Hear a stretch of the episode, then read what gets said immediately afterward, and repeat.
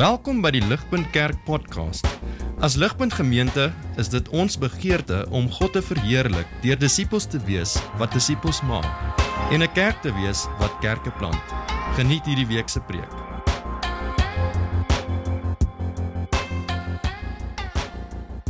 Simeon, Levi en Juda, Issachar, Zebulon en Benjamin, Dan en Naphtali, Gad en Aser. En al die siele wat uit Jakob se lende voortgekom het, was 70 siele. Maar Josef was in Egipte. En Josef het afgesterwe en al sy broers en daar 'n hele geslag. Maar die kinders van Israel was vrugbaar en het baie geword en hulle het vermeerder en buitengewoon magtig geword sodat die land vol was van hulle. Toe staan daar 'n nuwe koning oor Egipte op wat niks van Josef geweet het nie.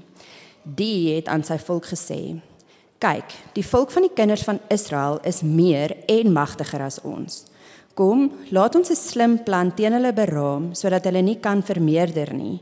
En as ons in oorlog geraak, hulle ook nie by ons vyande aansluit en teen ons veg en uit die land optrek nie." Daar is toe opsigters van dwangarbeid oor hulle aangestel om hulle met harde arbeid te verdruk. En hulle het vir Farao die voorraadstede Pithom en Raamses gebou. Maar hoe meer hulle verdruk is, hoe meer het hulle vermenigvuldig en hulle uitgebrei, sodat hulle bang geword het vir die kinders van Israel. Daarom het die Egiptenaars die kinders van Israel met hardheid laat dien en hulle lewe verbitter deur swaar werk met klei en bakstene en deur allerlei werk in die landerye al die werk wat hulle met hardheid deur hulle laat verrig het. En die koning van Egipte het met die Hebreëse vroedvroue, die een se naam was Sifra en die ander Pua, gespreek en gesê: As julle die Hebreëse vroue by 'n geboorte help, moet julle na die geboortestoel kyk. As dit 'n seun is, maak hom dood, maar is dit 'n dogter, laat haar lewe. Maar die vroedvroue het God gevrees en nie gedoen soos die koning van Egipte aan hulle gesê het nie, maar die seentjies laat lewe. Toe laat die koning van Egipte die vroedvroue roep en hy sê vir hulle: "Waarom het julle dit gedoen en die seentjies laat lewe?" En die vroedvroue sê vir Farao: "Die Hebreëse vroue is nie soos die Egiptiese nie, want hulle is sterk. Voordat die vroedvrou by hulle kom, het hulle al gebaar." Maar God het aan die vroedvroue weldadigheid bewys en die volk het vermenigvuldig en baie magtig geword.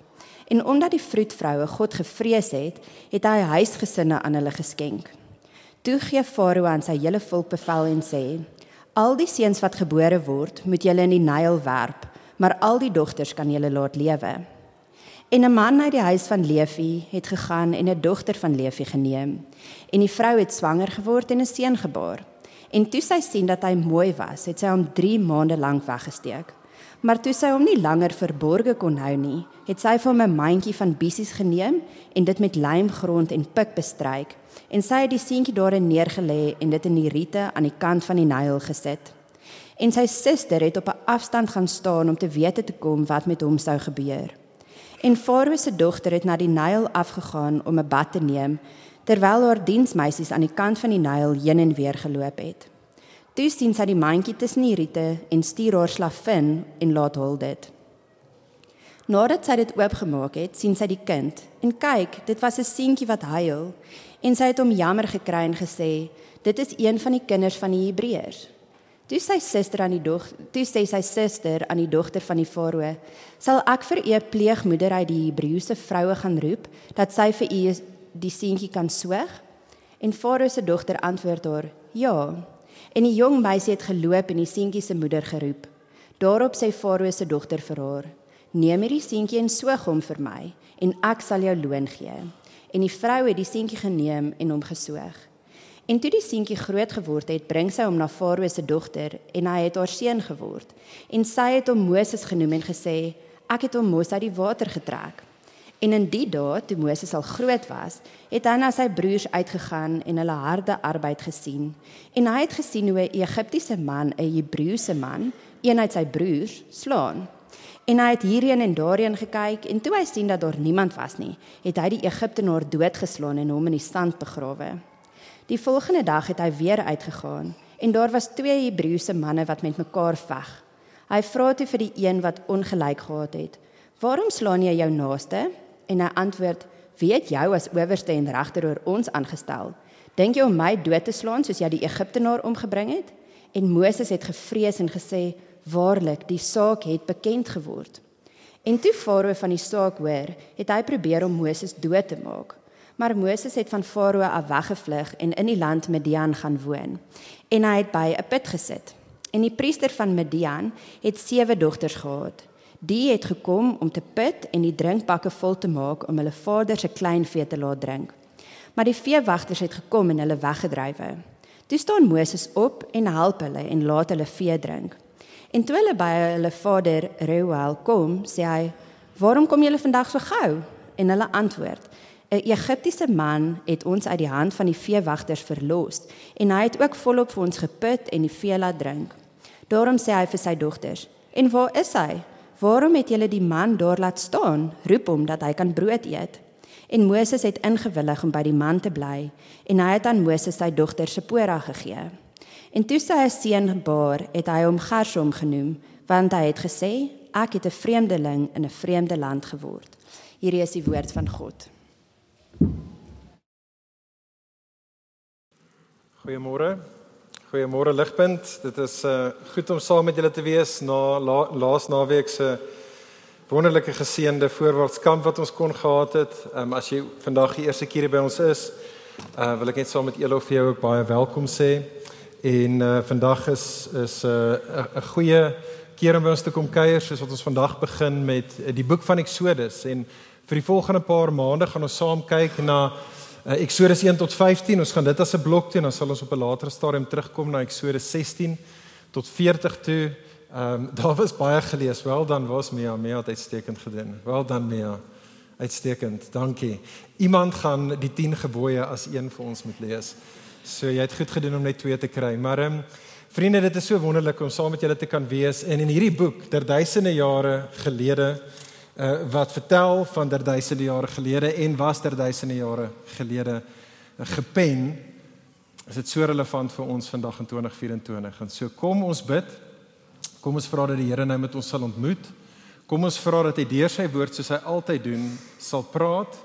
Kom ons bid en vra dat die Gees sal werk en ons sal help om Jesus duideliker te sien en in hom ons rus vind. So kom ek bid dit vir ons. Vader, ons wil vir dankie sê soos wat ons kan saam wees vanoggend hier. Reeds vanoggend was U goed vir ons. Here, maar ons staan met gebakte hande voor U. Ons is dors o Heer vir genade en vir krag en vir perspektief vir nuwe lewe wat net U kan skenk. U doen dit soos wat U praat, soos wat U Gees aan die werk is, soos ons vir Jesus op die troon van alle realiteit sien. O Here, elkeen van ons het dit nodig. Here, vir die van ons wat hier so sit en dink ons het dit nie nodig nie, ag Here, sal U ons ook genadig wees. Maar kom bring ons harte tot ruste, soos wat ons ons rus in koning Jesus vind.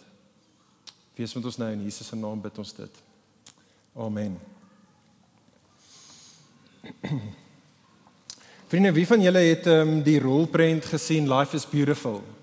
Enigiemand? Enigiemand? Ja, oh, was 'n paar hande actually. Wel dan, 1997 um, uitgekom met 'n Italiaanse rolprent. Dit het in daai jaar het dit die Oscar gewen. Uitstekende uitske vir beste rolprent. Uitstekende rolprent. Life is Beautiful. Dis 'n Italiaanse rolprent en dit handel uh dis hierdie storie oor hierdie Joodse Italiaanse man. Sy naam is Guido Orefice. Ek hoop ek sê sy naam reg. En en hy is hierdie Joodse Italiaanse man boekwinkel eienaar tydens die Tweede Wêreldoorlog. En so dit se speel af hier in die Tweede Wêreldoorlog en die hele storie soos die titel sê, Life is Beautiful.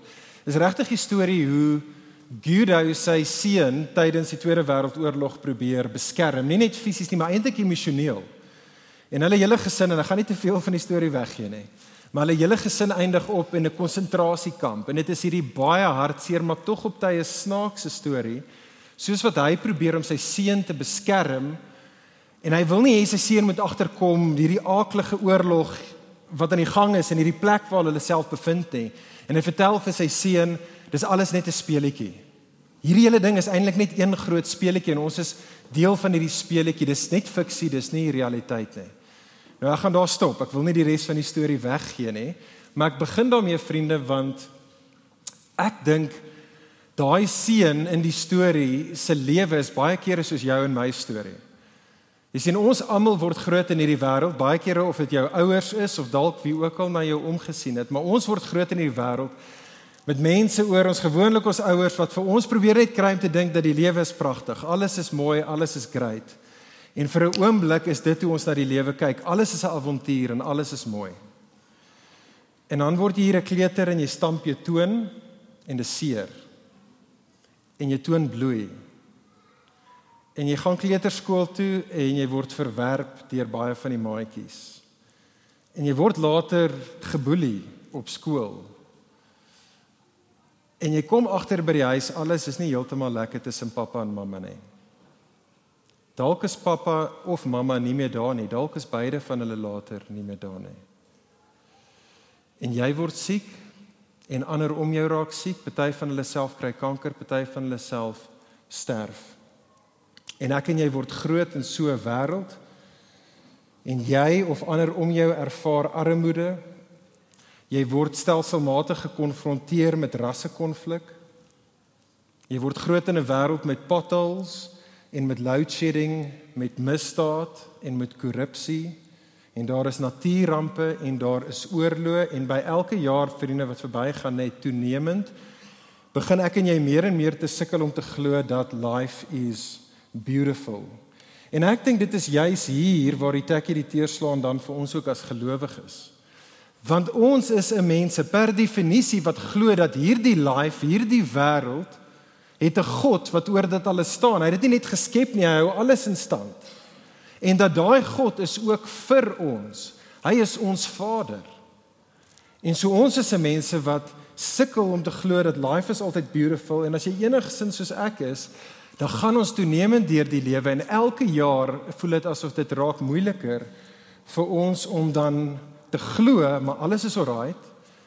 En ons vra onsself af, maar waar is God in dit alles? Waar is God in dit alles? Waarmee is hy besig? En vriende, ek begin nie meer vanoggend want dit is regtig wat ek glo Eksodus 1 en 2 vir ons wil antwoord. Dit is wat hierdie storie wat ons vandag na kyk presies oor handel. Julle sien vriende die boek Eksodus wat ons nou gaan kyk in die volgende wie weet hoe lank voor saam. Vertel die geskiedkundige verhaal oor waar God is te midde van al die gemors en al die gebrokenheid van sy mense se lewens. Dit is waar die boek gaan. En Eksodus 1 tot 15 vertel vir jou en vir my waar is God te midde van sy mense in in hierdie konteks die Israeliete se slawerny bestaan. Dit vertel vir ons waar is God in die midde van dit. En dan in hoofstuk 15 tot 40 vertel dit vir ons die storie van waar God is te midde van sy mense se woestyn bestaan. En wat ons gaan sien reg deur die boek van Eksodus is dat beide daar in hulle slawerny bestaan en in hulle woestyn bestaan, gaan hulle vir God toenemend leer ken. God gaan hulle verlos oor en oor. Hulle gaan dit nie verdien nie en God gaan oor en oor keer op keer toenemend hulle verlos. En soos wat God in die midde van hulle gemors, hulle bly red, leer hulle hom ken. Toenemend leer ken en hulle gaan hulle gaan God leer ken gegee die naam wat hy homself aan hulle mee bekendstel en dit is as die Here. En God gaan vir hulle help verstaan wie ek? Wat beteken dit vir my om die Here te wees? En ons begin juist daar in Eksodus hoofstuk 1 en 2 vandag. Vriende, tel jou blaadjie op. Ek hoop jy 'n Bybel of 'n foon of 'n blaadjie by jou. Maar hou jou neus asseblief in die teks want ons gaan deur hierdie storie saam werk vandag. In Eksodus 1 vers 1 tot 7 skets dit vir ons amper die stand van sake hier reg in die begin in daai eerste paragraaf. En wat dit vir ons sê vriende, is hier vind ons die volk Israel en ons vind hulle in 'n eienaardige plek. In die plek tussen belofte en vervulling. Dis waar hulle self bevind. Jy sien ons behoort hierdie eerste paragraaf in die boek van Eksodus te lees saam met die laaste paragraaf van die boek van Genesis. Kyk saam op die skerm. Hier is die laaste paragraaf in die boek van Genesis. Daar vertel ons dat op hierdie stadium is Abraham se nageslag reeds nou in Egipte. Jy jy sal dalk die storie van Josef 'n klein bietjie ken. Josef wat op daardie stadium regtig omgesien het in Egipte na sy mense. Hulle het baie voordele gehad onder Josef. Maar aan die einde van van Genesis kom Josef en hy praat met sy familie. Hy sê vir hulle: "Hoor, ek's nou 'n ou man en ek gaan binnekort sterf." Maar Genesis 50 vers 24 en vers 25 God se mense Israel, onthou God se beloftes. Onthou die beloftes wat God aan Abraham en aan Isak en aan Jakob aan ons gemaak het. Daardie beloftes vriende vind ons reg deur die boek van Genesis. Dit is beloftes dat God sal hulle seën. Hy gaan hulle God wees, hulle gaan sy kinders wees. Dis beloftes dat God sal hulle vrugbaar maak en hulle sal vermeerder. Ja, God gaan hulle seën en God sal éventueel hulle bring in die beloofde land Kanaan in. Maar nou kom ons by die boek Eksodus. In die eerste paragraaf en ons stel daai storie op. Ons sien jy uh, op jou blaadjie of in jou Bybel daar. Hier in die eerste paragraaf sien ons dat die seuns van Israel is nog steeds in Egipte. Josef het soos hy gesê het gesterf. Maar kyk my na vers 7, baie belangrik want vers 7 is presies geskryf met die taal van die boek van Genesis om vir jou en vir my te wys dat hierdie beloftes wat God gemaak het, is besig om stelselmatig tot vervulling te kom. Die kinders van Israel vers 7 was vrugbaar, vrugbaar check net soos God beloof het in Genesis.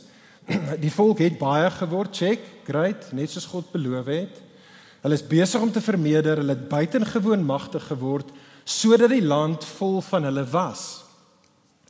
Die probleem is hulle is in die verkeerde land. Hulle is nie in die beloofde land Kanaan nie, hulle is in Egipte.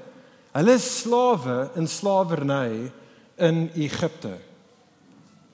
En so die punt is vriende, ons kom hier in die begin van die boek van Eksodus en Israel vind hulle self in hierdie ongemaklike plek tussen God se beloftes maar daardie beloftes wat nog nie ten volle gerealiseer het nie. Dit is die grys area waarin hulle hulle self bevind. En dit is vriende waaroor die boek gaan en dit is wat spesifiek in ons gedeelte aangaan. Die vraag is waar is God in sy mense se moeilike omstandighede? Waarmee is God besig? Antwoord Eksodus 1 en Eksodus 2. Vriende, ek wil eers met hierdie storie verder saamvolg. Ons gaan kyk na hierdie twee hoofstukke in die hand van 3 opskrifte vanoggend. Drie bewegings in Eksodus 1 en 2. Hier's die eerste een en dit sal op die skerm wees. sien raak saam met my Farao die vervolger.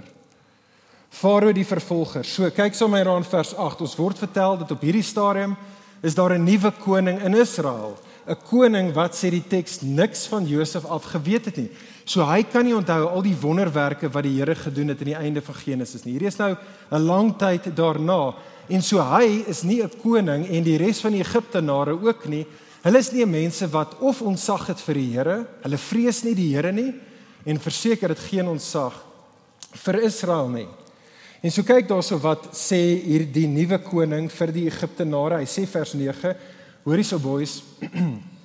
Die Israeliete word heeltemal te veel, hulle word heeltemal te sterk. Vers 10: Kom laat ons 'n slim plan teen hulle beraam sodat hulle nie kan vermeerder nie. Nou ons moet stop by daai vers. Dit is 'n belangrike vers. Want wat ons in daai versie sien daar vriende is dit weer eens dit baie doelbewus. Ego vir ons die storie van die boek van Genesis. Farao Farao se taal hier vriende in vers 10 van hierdie slim plan wat hulle moet beraam behoort jou en my ore te kilie. Dit behoort ons te herinner aan wat ons van gelees het in Genesis 3. 3 vers 1 van die slang wat slinks is. Die hele taal hier wat hy vir die Egiptenare sê kom laat ons is presies woord vir woord presies dieselfde taal wat ons sien in Genesis 10 in Genesis 11 waar 'n goddelose wêreld saamtrek en hulle sê kom laat ons onsself verset teen die wil van die Here. En die taal hierso in vers 10 waar Farao die Israeliete wat vermeerder vrees is presies dit wat God se skepingsmandaat was vir die mensdom. Die mensdom moet vermeerder, selfe woord en moet die land selfe woord vul. Nou sien Farao dit gebeur en dit freak hom uit. Vriende, die punt hier is dit. Hoor asseblief tog mooi. Farao hier in die storie is 'n menslike vergestalting van demoniese oppositie. In Genesis 3 vers 15 het God gesê na die sondeval dat die nageslag van die vrou gaan in vyandskap wees teen die nageslag van die slang. Maar daar gaan een seun kom uit die nageslag van uit die vrou uit en hy sal die slang se kop vermorsel. Vriende, dit is wat afspeel hier in Eksodus hoofstuk 1. Kan jy dit sien? Dit is wat hier so afspeel. Eksodus 1 tot 15 vriende is die storie van twee koninkryke wat in konflik is. En wat ons hier het in hierdie storie vandag is aan die een kant die koning van Egipte. Onthou die naam Farao is nie sy naam nie. Die naam Farao is ook maar net 'n titel, maar die teks sê vir ons hy is die koning in Egipte. 3 keer sê Eksodus 1 dit. Hier is die koning van Egipte. Teen wie kom hy te staan? God. 3 keer in Eksodus 1 sien ons verwys dit hier na God. Wat ons hier het vriende is soos 'n boksgeveg. Boks is nou nie meer die inding nie, is nou UFC. Wat ons hierso het is soos 'n UFC fight tussen die koning van Egipte en tussen eh, God, die Here. En so kom ons sien raak hierdie hierdie hierdie geveg. Kyk saam met my in die teks vers 11. Farao gooi die eerste hou. Hy beveel die slawe drywers om Israeliete se werk te vermeerder, om hulle te verdruk, maar God counter vers 12. Hoe meer die Egiptenare die Israeliete verdruk, hoe meer het hulle die Israeliete wat gebeur? Vermeerder, hoe meer het hulle vermenigvuldig en uitgebrei. Vers 13 tot 16. Farao gooi 'n tweede hou. Die Egiptenare moet nou die die Israeliete nog verder sê die teks laat harder werk. Farao sê vir die Hebreëse vroedvroue uh, om al die jong seuns dood te maak. Maar wat gebeur? God counter dit. Vers 17. Die vroedvroue het God meer gevrees as vir die koning van Egipte. Hulle het hom nie gehoorsaam nie. En so Farao gooi 'n derde hou, vers 18 tot 19. Hy roep hierdie vroedvroue in sy kantoor en hy sê vir hulle: "Hoekom luister julle nie vir my nie?" En dis nogal snaaks eintlik. Die vroedvroue kom so klein bietjie 10 10 en dink ek die eerste wit lintjie in die Bybel. Is hulle kom dan te sê oor die uh Farao sal dit nie glo nie. Maar hierdie Israel hierdie Israelitiese vroedvroue is eisters. Spoedkraam is hulle ding. Dis wat hulle doen. Teen die tyd wat ons by hulle huis aankom, babas reeds gebore. Ek dink hulle loop al, hulle kuier by ouma en oupa. Ons weet nie, ons weet nie waar ons weet nie waar hulle is nie. Vers 21 en omdat die vroedvroue weer as dit daar God gevrees het, het God huisgesinne aan hulle geskenk. Vriende, die punt in die storie hier, moet dit nie mis nie, is hierdie is 'n kosmiese stryd wat aan die gang is. Hierdie is 'n kosmiese stryd tussen die Satan en die Here. God se mense vat shots. Die Satan is besig om sy beste houe by wyse van Farao te gee maar hy's nie suksesvol nie. Hy's nie suksesvol nie. In feite, dit lei uiteindelik tot die verdere seën van God se mense en die verdere uitbou van God se koninkryk. En vriende, vir nou wil ek net hierso een waarheid vir ons uitwys, soos uitwys, soos wat ons dink oor wat dit vir jou en vir my hierso beteken. Ons baie wat ons kan sê, vriende, maar een ding, soos wat ons probeer sin maak nê van ons gemors en ons gebroke wêreld waarin ek en jy onsself bevind. Dis die een waarheid hier in Eksodus 1 wat ek asseblief ons net aan wil herinner vanoggend. Paulus som dit so goed op vir ons nê nee, in Efesiërs 6 vers 12, 'n teks wat ons goed ken. Paulus maak hierdie punt van Eksodus in Efesiërs 6 wanneer hy jou en my herinner gelowige Christen ons stryd is nie eintlik teen vlees en bloed nie. Dit is 'n geestelike stryd teen die Satan homself. Vriende, ek dink een van die groot redes hoekom ons so mismoedig raak op die beste van tye met al die gemors en al die gebrokenheid, al die sleg en die seer in hierdie wêreld. Ek weet hierdie is totaal en al waar van my. Een van die groot redes hoekom ons so mismoedig raak, vriende, is want ek en jy op die beste van tye vergeet ons is in 'n oorlog. Ons ons soort van weet dit, maar ons glo dit nie regtig nie. Dink weer terug aan daai storie Life is Beautiful. Dit was oorlog in die hele wêreld op daardie stadium. En in daai oorlog bevind hulle self binne 'n konsentrasiekamp. Dit is die wêreld waarin hulle is. Vriende, die Nuwe Testament, die Bybel sê ek en jy is altyd in daai wêreld. Ons is altyd in daai oorlogswêreld. Ons is altyd in daai konsentrasiekamp wêreld. Ons is altyd daar. En die mate waarin ons dit vergeet, is die mate waarin ek dink ons baie kere mismoedig raak. Want ons verwag paradys, ons verwag hemel op aarde. Maar dit is 'n tyd van oorlog. Vriende, dit is die punt wat ons gemaak het in ons vorige reeks. Wat ek en jy onsself en mekaar aan die heeltyd elke liewe dag moet herinner, is ons moet onsself grond in God se storie. Waar vind ons onsself? Wel vriende, ons vind onsself in 'n wêreld tussen God se belofte en die vervulling van God se belofte. Dit is waar ek en jy onsself nou bevind en in hierdie wêreld tussen belofte en vervulling hier klap die skote. Hier klap die skote en so gelowige kan ek jou aanspoor mee mee. Moenie verbaas wees daaroor nie. sien die eintlike vyand raak staan vas teen die aanslag van die duiwel. Dis die hele punt van Efesiërs 6. Staan vas, sê Paulus. Die manier wat ons vas staan is om in die wapenrusting weg te bly, weg te kruip. Die manier om in die wapenrusting weg weg te kruip, sê Paulus vir jou en vir my, is om beide om, om by wyse van God se woord en by wyse van gebed heeltyd te staan binne in die oorwinning wat Jesus reeds behaal het. Dit is om binne die wapenrusting. Jesus is die wapenrusting. Ons kruip binne in hom weg. Vriende, dit is die lewe nou hier tussen belofte en vervulling, hier waar die die, die skote klap. Die vraag vir jou en vir my is, gaan die vyand seëvier? Gaan die vyand seëvier wel? Dit is die tweede beweging in ons storie. Kyk saam met my tweedens Moses se verlossing. Moses se verlossing Eksodus 1:22 is waar ons gaan begin tot by 2 vers 10. Kyk sommer dan Eksodus 1:22. Hier gaan die koning van Egipte, die farao, en nou gaan sy demoniese aanslag net eskaleer. Nou beveel hy nie net die vroedvroue om die seuns, die Hebreëse seuns dood te maak nie. Nou nou sprei dit uit. Hy eskaleer dat hy sê, hoorie alle Egiptenare. Alle Egiptenare, julle het nodig om elke liewe Hebreëse seun in die Nyl rivier te gaan verdrink. Maar vriende, die ding wat ek en jy nie moet mis nie, is alhoewel in die storie wat dan volg in Eksodus 2 tot 10 in ons volgende gedeelte is daar nie een keer is God nie te sien nie. Die woord God kom nie een keer voor nie, is die hele punt hier. God is oral. God is totaal en al die baas van die plaas.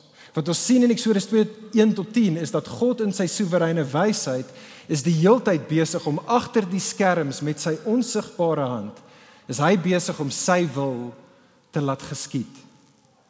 Kyk saam met my, begin van Eksodus 2.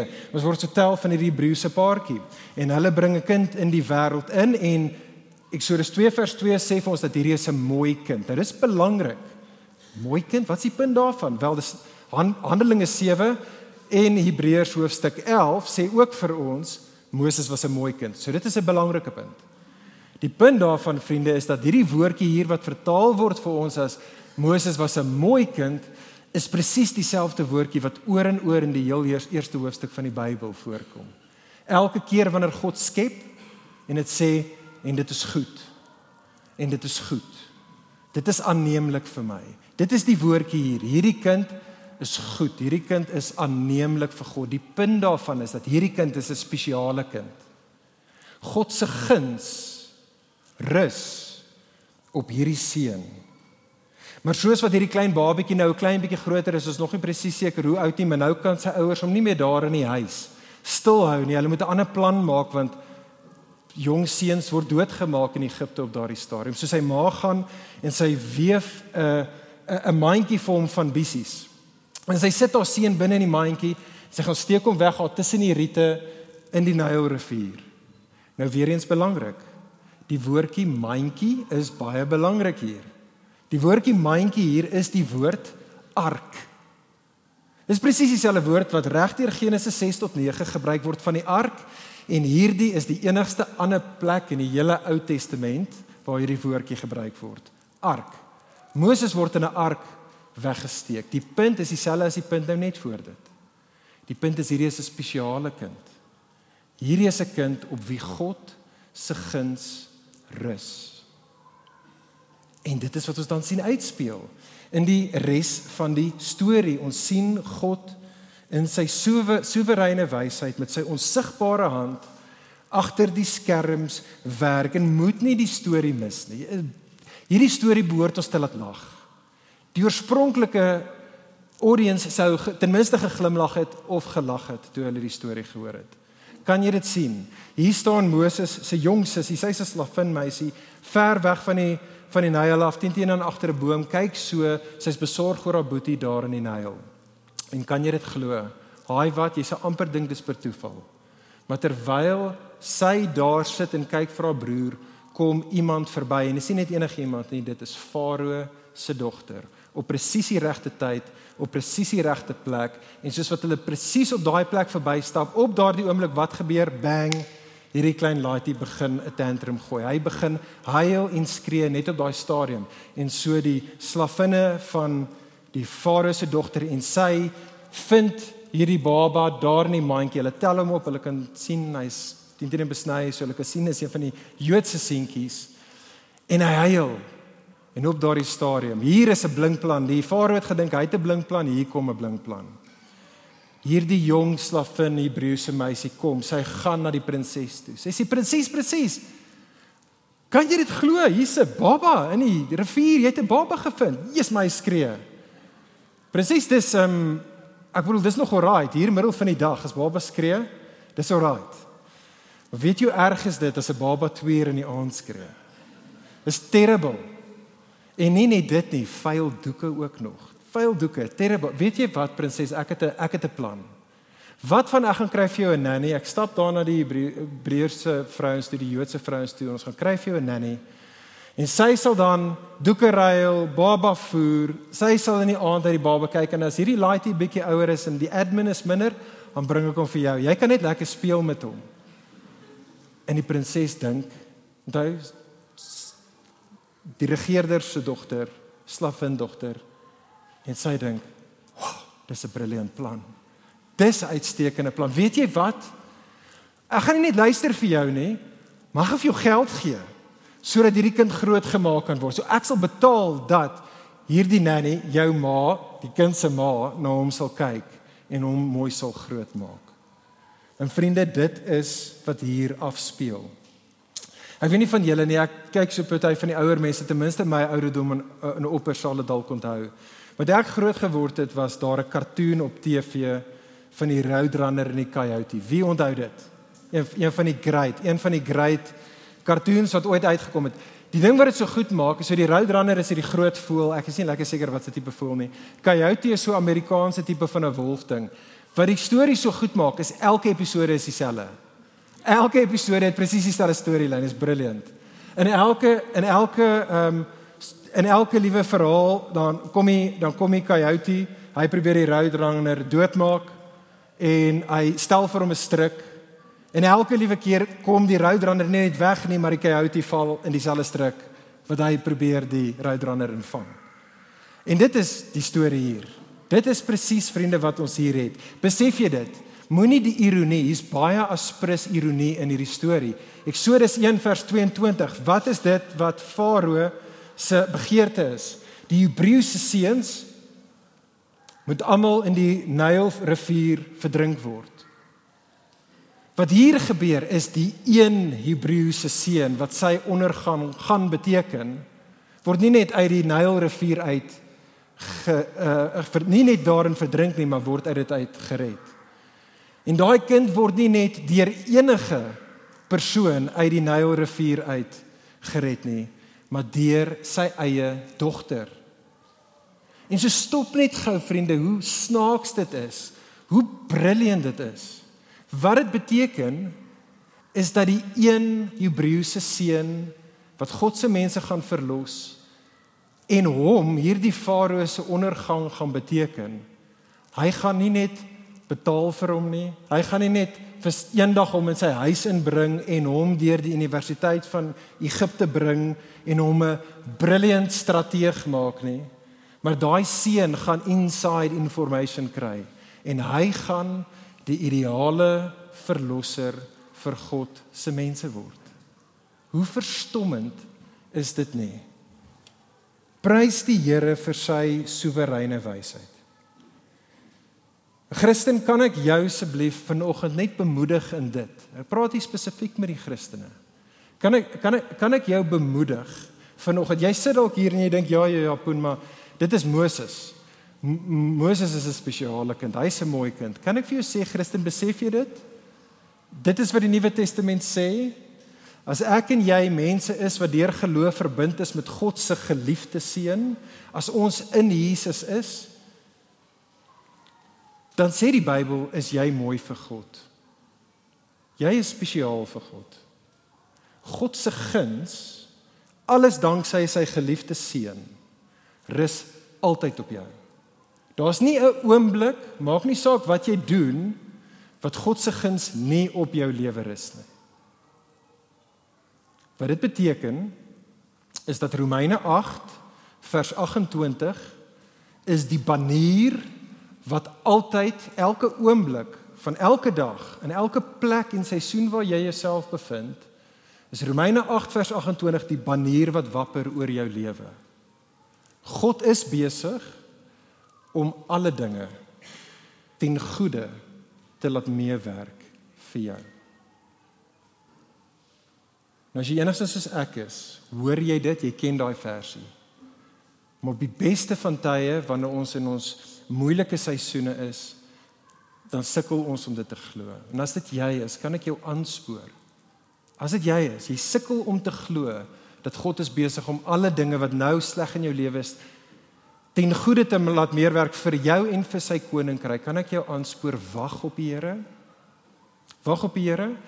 Handelinge 7 wat vertel van hierdie hierdie hierdie hoofstukke in Eksodus. Vertel vir ons dat Moses tot en met die ouderdom van 40 in daai paleis was. Alles wat plaasvind op hierdie stadium voor die volgende gedeelte is gebeur vir 40 jaar. Ek kan totaal en al insien hoe Moses vir 40 jaar is lank, mense. Hoe Moses vir 40 jaar lank gedink het waar is God? Waar is God? Wat is God besig om te doen? Ek is nie by my familie nie. Ek is nie by my mense nie.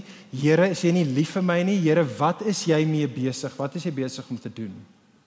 Maar vriende, ek kan totaal en al ook sien hoe op 'n latere stadium in Moses se lewe toe God hom eers oprig om oorlog te maak teen Farao, die Farao in wie se huis hy groot geword het, by wie hy die beste van opleiding gekry het.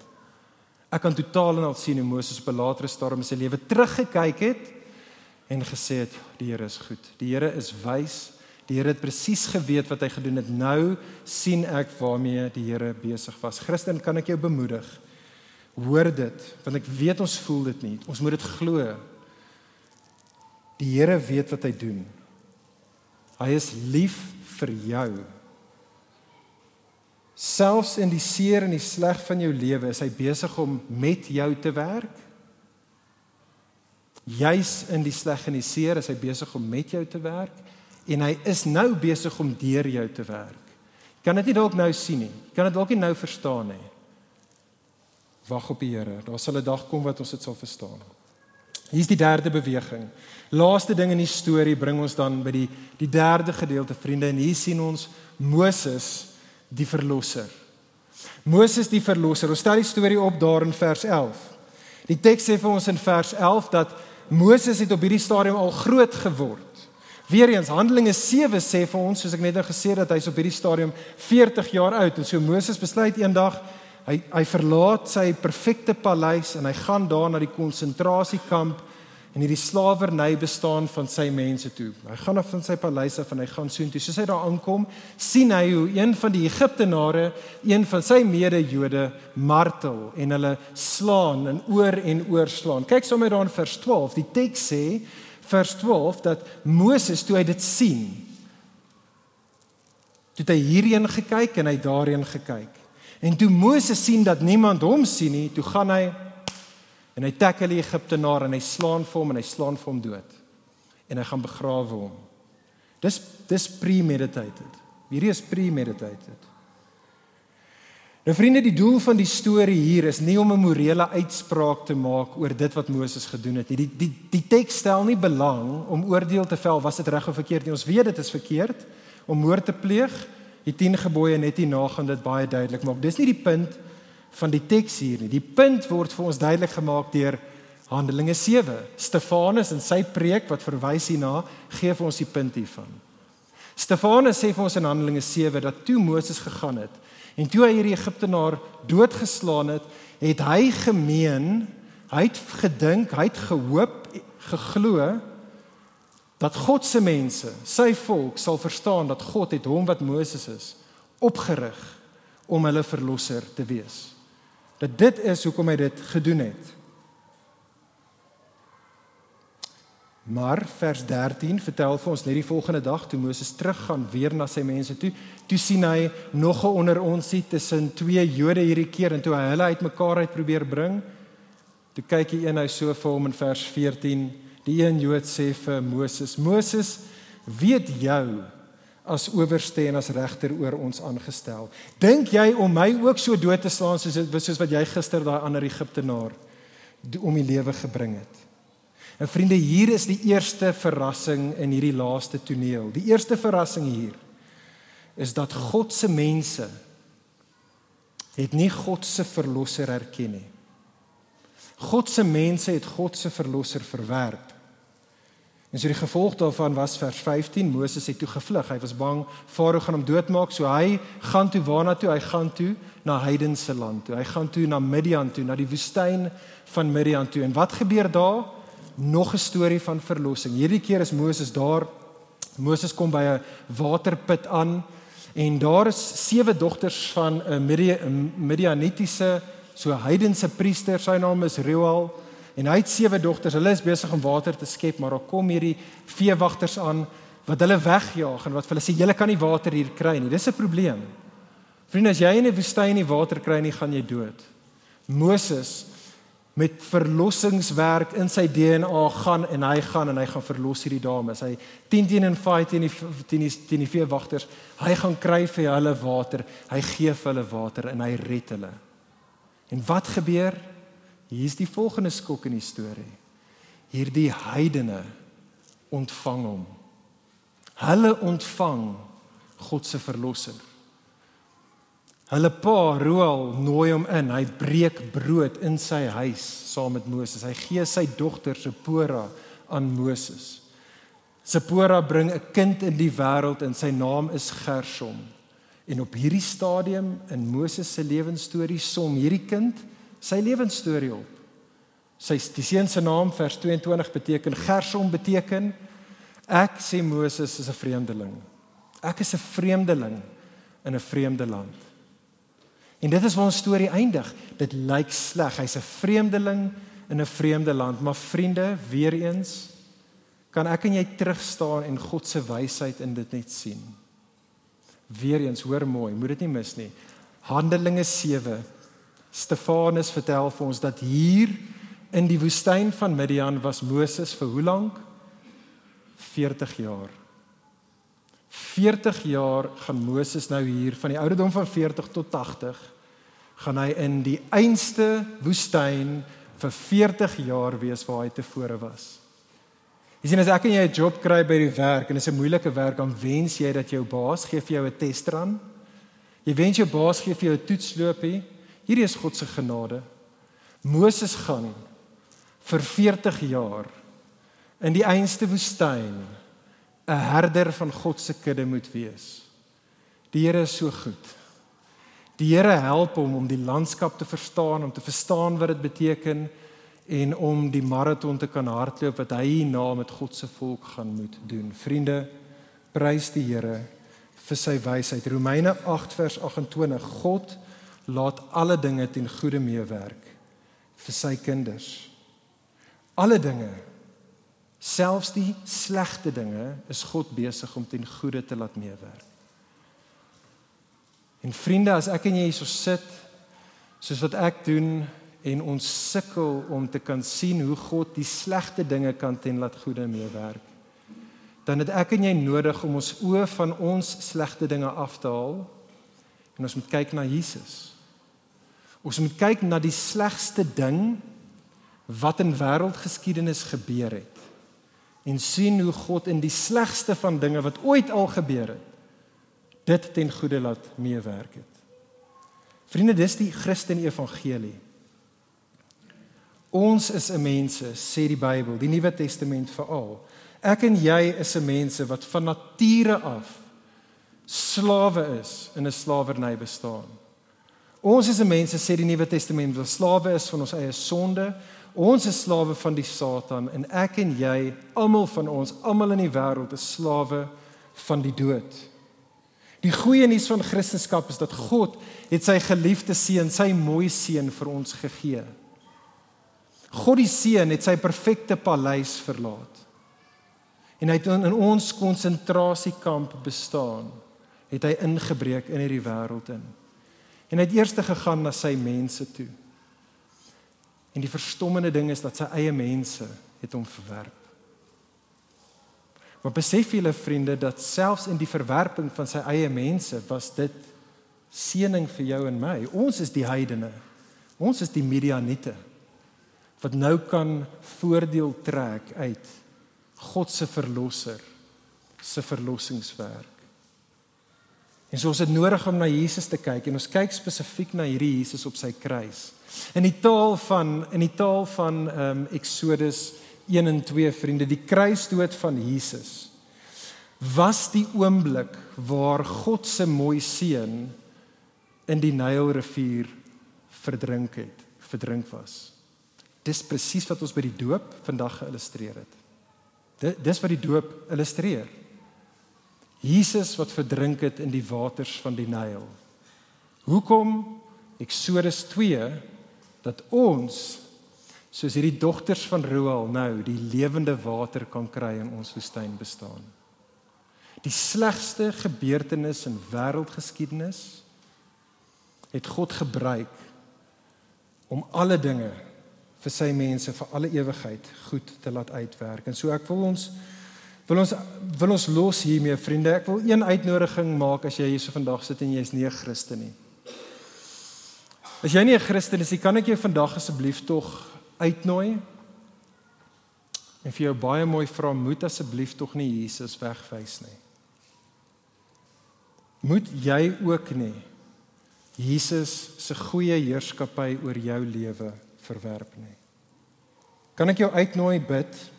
Dalk selfs saam met my nou. Ek gaan bid en jy kan dit net agter my aan sê. Maar roep uit tot die Here. Kyk na hierdie Jesus. God se verlosser gestuur vir jou. Roep uit na hom toe en sê Jesus, ek het verlossing nodig. Ek is 'n slaaf. Ek weet ek is 'n slaaf van my sonde en van die Satan en ek weet vir 'n feit ek is 'n slaaf van die dood. Jesus, sal jy my red? Jesus, ek kyk na jou. Dankie Jesus dat jy het gekom om ook die kettinge te breek en my uit Egipte land uit te bring. En as jy so sit en jy's 'n Christen, kan ek jou bemoedig. Kan ek jou bemoedig met 'n laaste bemoediging? Kyk jy aan Eksodus 2 vers 21, laaste keer wat ons ons neus in die teks sit. Die teks sê vir ons in vers 21, Moses was ingewillig om by sy nuwe familie te bly. Die engel sê dit mooier hier. Die engel sê Moses was content to dwell with them. Hoe mooi is dit nie? Weet jy dit Christen? Jesus is content to dwell with you. Jesus is by jou elke dag. Hy's vir jou. Hy's lief vir jou. Jesus gaan aanhou jou red. Al voel dit dalk nie nou so nie, want dit is wie hy is. Dis in sy DNA. Hy is 'n verlosser. Hy sal jou aanhou red. En so ek los ons met hierdie woorde. Net dit lees en dan gaan ek bid. Romeine 8 vers 32. Net na Romeine 8 vers 28 by the way. Hy, dit is God wat selfs nie sy eie seun gespaar het nie, maar hom vir ons almal oorgegee het. Hoe sal hy nie saam met hom ons ook alle dinge genadiglik skenk nie? Hm, ons het dit goed. Ons het dit goed. Kom ons bid saam. Vader, ons loof en ons prys U dat U 'n mense soos ons in ons Egipte land, dat U vir ons 'n verlosser gestuur het, U seun. Ag Vader, vir elkeen van ons wat hier is. Party van ons is die kettinge nog baie styf om ons bene. Ons is nog in slawerny. O Jesus, sal U ons red. Vader, party van ons is die ketTINGS reeds gebreek, maar ons lewe nog asof ons slawe is. O Jesus, sal U ons bly red. O Heilige Gees, wees ons genadig soos wat ons uitgaan en gaan lewe as 'n vrygekoopte mense. Ons is lief vir U want ons weet U was eerste vir ons lief. Amen. Vir meer inligting oor Ligpunt Kerk, besoek gerus ons webwerf op www.ligpunt.com of kontak ons gerus by info@ligpunt.com